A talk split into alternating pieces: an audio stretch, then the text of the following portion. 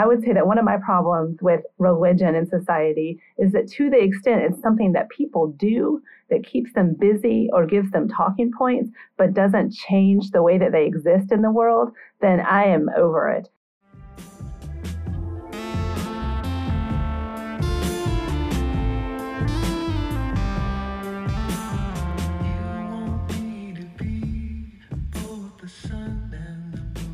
Welcome back to Chapel Phil. This is Noah with Season 3, Episode 2. In the last episode, our guests discussed how we can justify believing in God and how we can justify religion existing in society. This episode begins where the last one left off, with our guests slowly pushing into modern issues they have with how religion interacts with our political system, our mental health care, and our elderly.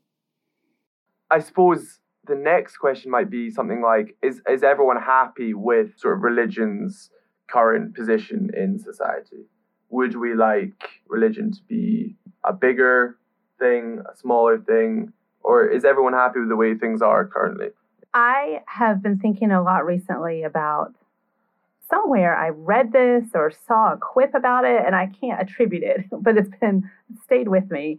Uh, that millennials don't want to have anything to do with church because they saw that their parents gave all of their life to it and were always there and were busy and exhausted, but it didn't change the way that they behaved.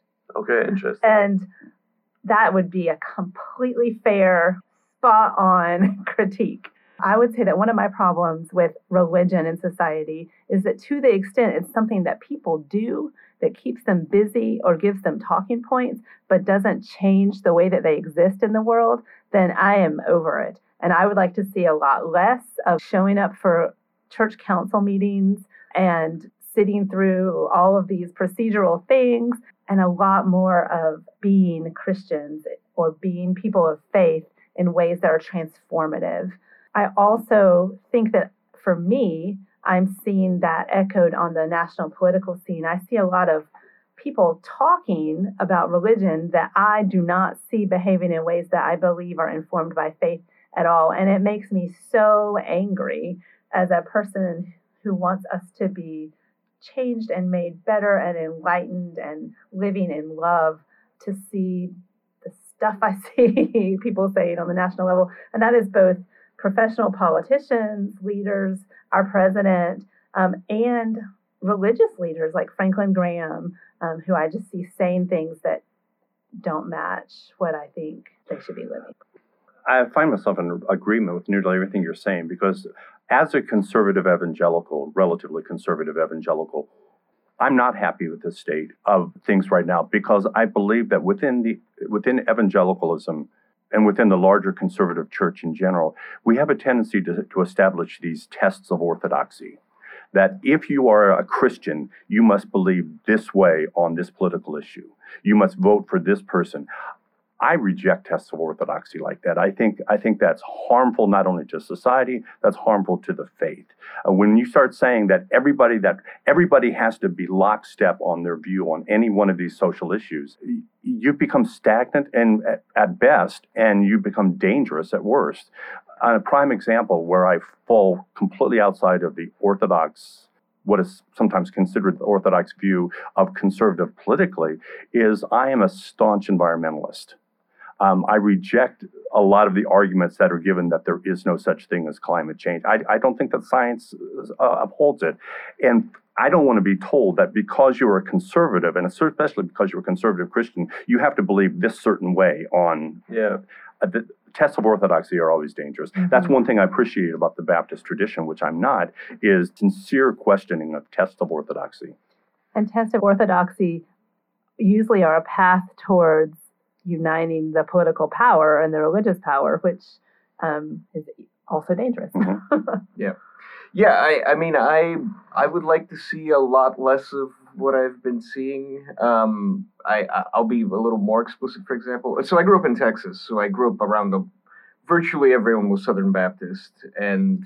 I, I got a, I got a taste of that. But what I have is friends who may not have been religious, and I have their parents on Facebook. And what I saw from reactions of people who genuinely profess to be people of faith in this political environment was, for example, they said nothing about the kids on the border. nothing, right? And to me, like whatever I, whatever little things I know about the gospel, like that ain't it, chief. like this, there's no way, right? But it is all buttressed with the kind of like, well, we support Donald Trump because we're religious, regardless of what happens, and that that drives me nuts. There's a kind of hypocrisy where I want to see genuine believers acting on the the beliefs that they have, the ethical beliefs that they have, and not just what's expedient at the moment politically. That I'd like less. Um, so let me let me back up a little bit. Yeah, the stuff that everyone has said here that is good about religion, I echo. There's been beautiful culture, there's been beautiful art, there's been beautiful philosophy that's come out of religion. Uh, I don't want to take any of that. Uh, religion gives a, a, sense of community for people. In in the South, for example, speaking of these parents that I, that I was talking about, this has ended up being their way of therapy.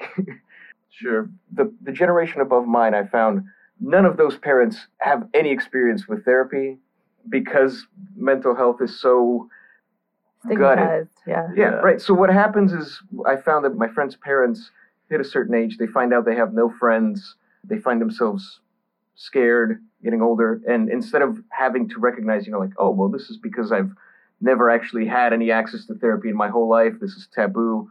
They don't know how to handle it. They have they've never learned these skills. And then they end up going to the church as a way to cope. I think that's a good thing because at least there's that resource. But then again, it it ends up being a substitute for things that we should have. Mm-hmm. Uh, this is this is again. Sorry, I'm kind of all over the place, but this is to say that again, like good the soup kitchens I think are are great. Nobody wants to take away the soup kitchens. It's charity when we need justice. Yeah, and what I want is no, no, no. I want there to be no hungry people, and not for it to be like, well, no, no, no. church takes care of the hungry people, and that's why we don't have to do anything. Right, and that's what I meant when I said when we need justice. Yeah, right. Yeah, charity right. is a stopgap, but yeah. you must be working for yeah. justice. The challenge I think I see within the church, but also within the culture, though, is we develop pack mentalities, mm-hmm. and we assume that everybody within a specific tradition feels the same way. And I, I, don't think, and I don't think that is part and parcel of the right. I think that's all over the political spectrum. Um, I spent a summer in Notre Dame uh, studying, and um, got to know people very well. And we, uh, our class that we were in for the entire summer, and we got really close. And one time we were out having dinner together, and one of the persons said, "Can I ask you a question, Gary?" And I said, "Sure." And she said, "How can a person who is conservative be an intellectual?"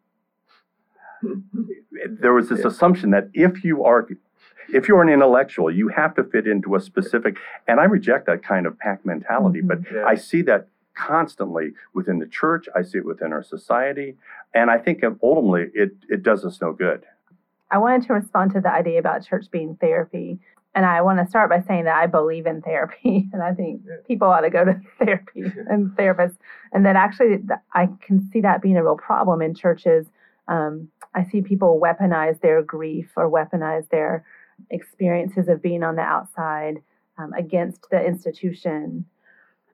I also think that it's really important for churches to be able to do the work of allowing people to grieve.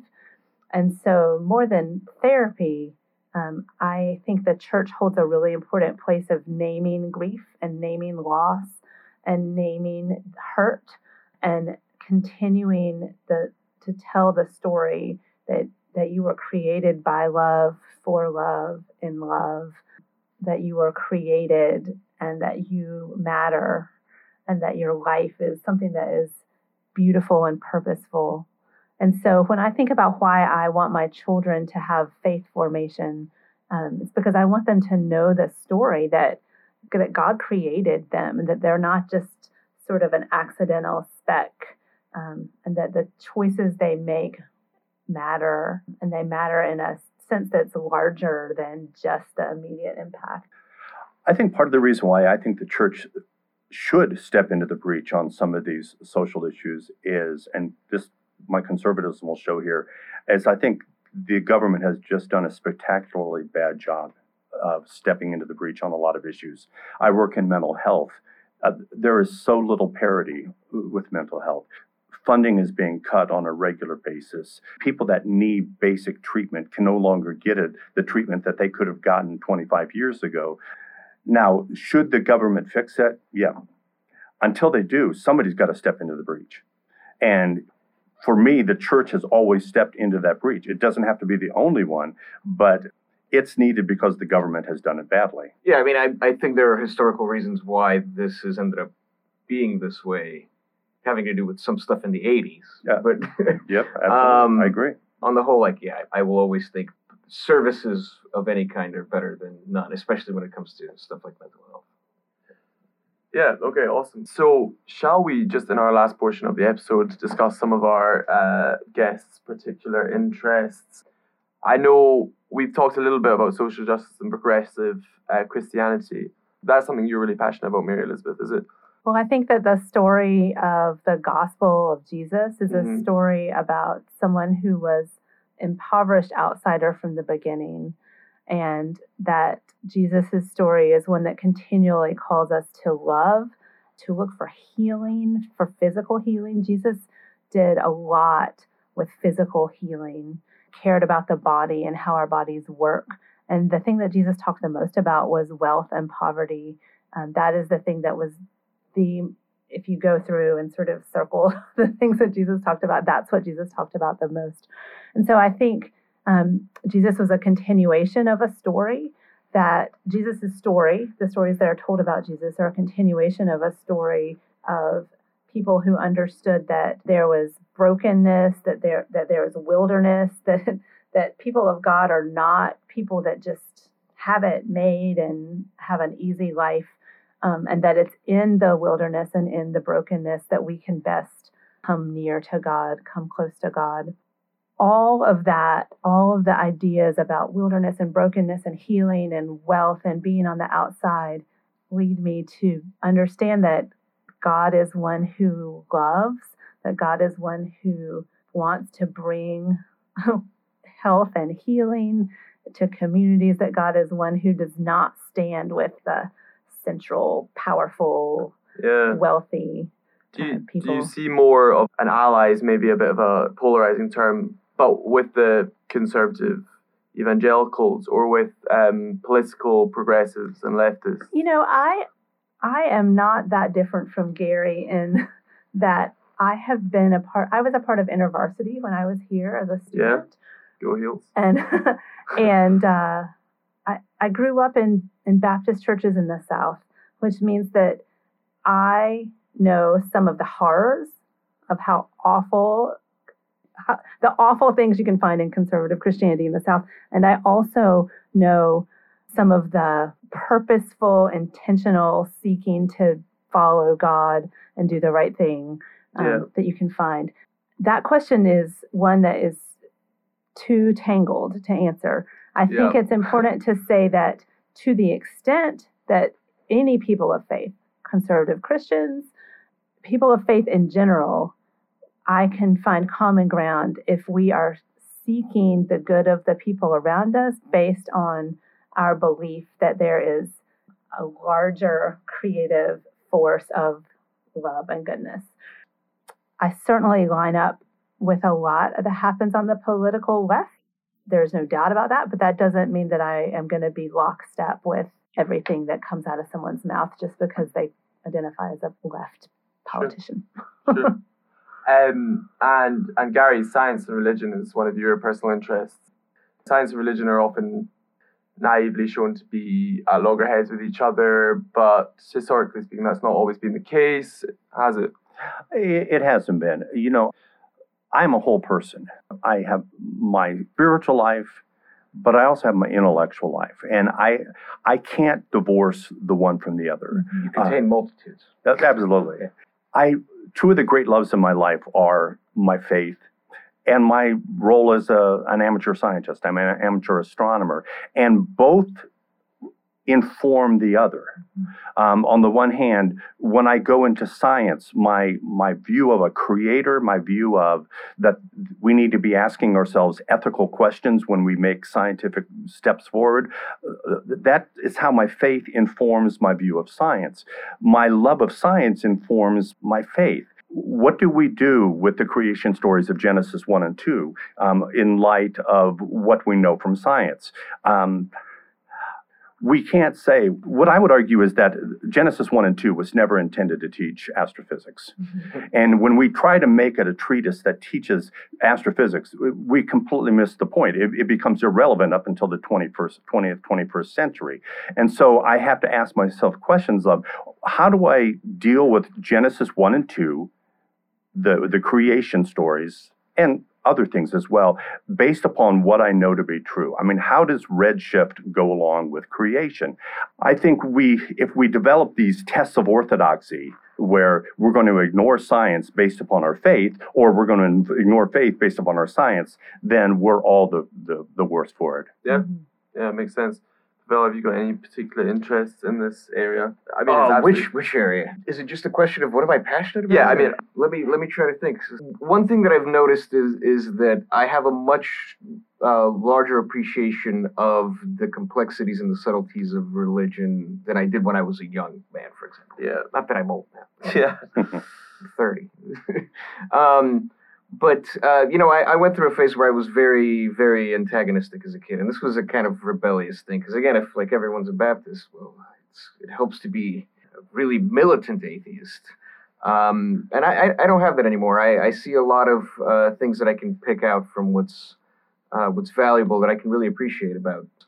Mary Elizabeth brought up um, earlier uh, about Martin Luther King's movement being rooted in Christianity is one of these things where I think like yeah, this was really powerful. Without that element, uh, probably would not have been successful. It also probably wouldn't have been as successful without Malcolm X, who also had his yeah. uh, movement rooted in, in, the Islamic faith, mm-hmm. at least for a while.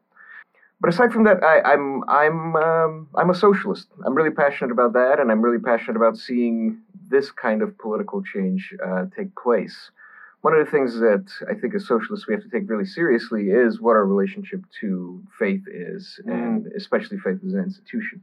I don't have any answers to that, yeah. but I find it um, one of these places where I I'm very interested in finding an answer, precisely because I think there's it's the answer is going to be much more complicated than yeah. Um, I'm, I'm, it needs, presumably, it, the answer comes from talking with religious people as well, or of course, or I mean, look, there's a lot of the core of, of, of, socialism not as a Marxist science, quote unquote, but as a concern for the welfare of the poorest, mm-hmm. uh, yeah. and as the poor driving the future towards what will be best for everybody. I believe will be best for everybody. Yeah. That is rooted in serious, I, dare I say, Christian teachings. I mean, it's not it's not going to be like that, but there's significant overlap, right? Yeah, Where I sure, think that surely um, a lot of these things we can find common ground in. The, the fact that we all believe that there should be mental health care that is adequate and good uh, for the people, I think, is definitely. I, am curious, Pavel. I, I think yeah. uh, what you're saying is, I think, just resonates really well. I can say that a lot of my decisions on on what's right, what's ethical, and so forth is driven um, by my faith. Mm-hmm. Um, from a person that comes from your tradition, what drives those ethical decisions? Well, so it's. Uh, let me just jump in because part of behind the, the, the, supposition seems to be that if there isn't this thing, then there is nothing. And I don't think that's what you're saying. No, you're just curious all. about what the source is, I, knowing that there's a source, right? I know what my language yeah. is. I want to know what your language is. My, I mean, my my language is still one of love and empathy and sympathy and struggles and solidarity with the people that are struggling the most. That that's enough for me. I, I, don't have to have it rooted in in a theology, for example, to take this stuff seriously. Not saying that you do, of course, either. I just know that it, that is part of it. And it's maybe maybe that's an article of faith mm-hmm. um, that we should love each other. Perhaps this is in the broader sense of religion that you were saying earlier. In that respect, that I'm that I'm a bad atheist, but in the standard sense, like yeah, that still makes me an atheist. So that, that that's what drives it is a is a is, is a concern with with doing the right thing and doing the right thing for others. Hmm. Um, yeah. Is uh, is there anything more that you no? I, I didn't have any agenda, and it's just no, no, no, just I know what drives me. I was just curious what drives you, um, and yeah, the struggle, the struggles of, of people in the past. I I um, I'm also a really big history buff.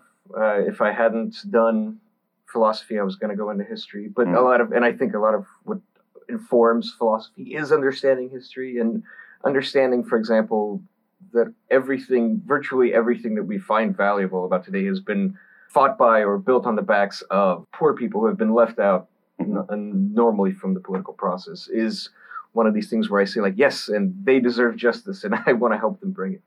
Yeah. Okay, awesome. That was absolutely fascinating. Um, thank you everybody so much for Thanks, thanks for having us. being on with us. Is I mean, is there anything you guys would like to plug? Any?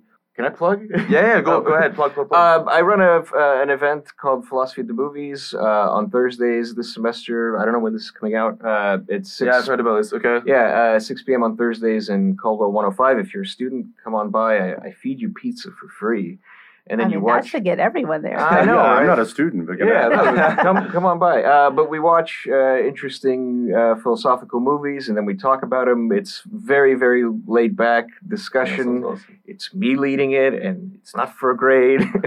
uh, but everyone's welcome, and it's just um, yeah. Another thing I'm passionate about is movies, and I, I like bringing those two things together. If anybody wants to come by, please, yeah. Speak- tell, and tell me that you heard it from the podcast. I want to know if Right, that's right.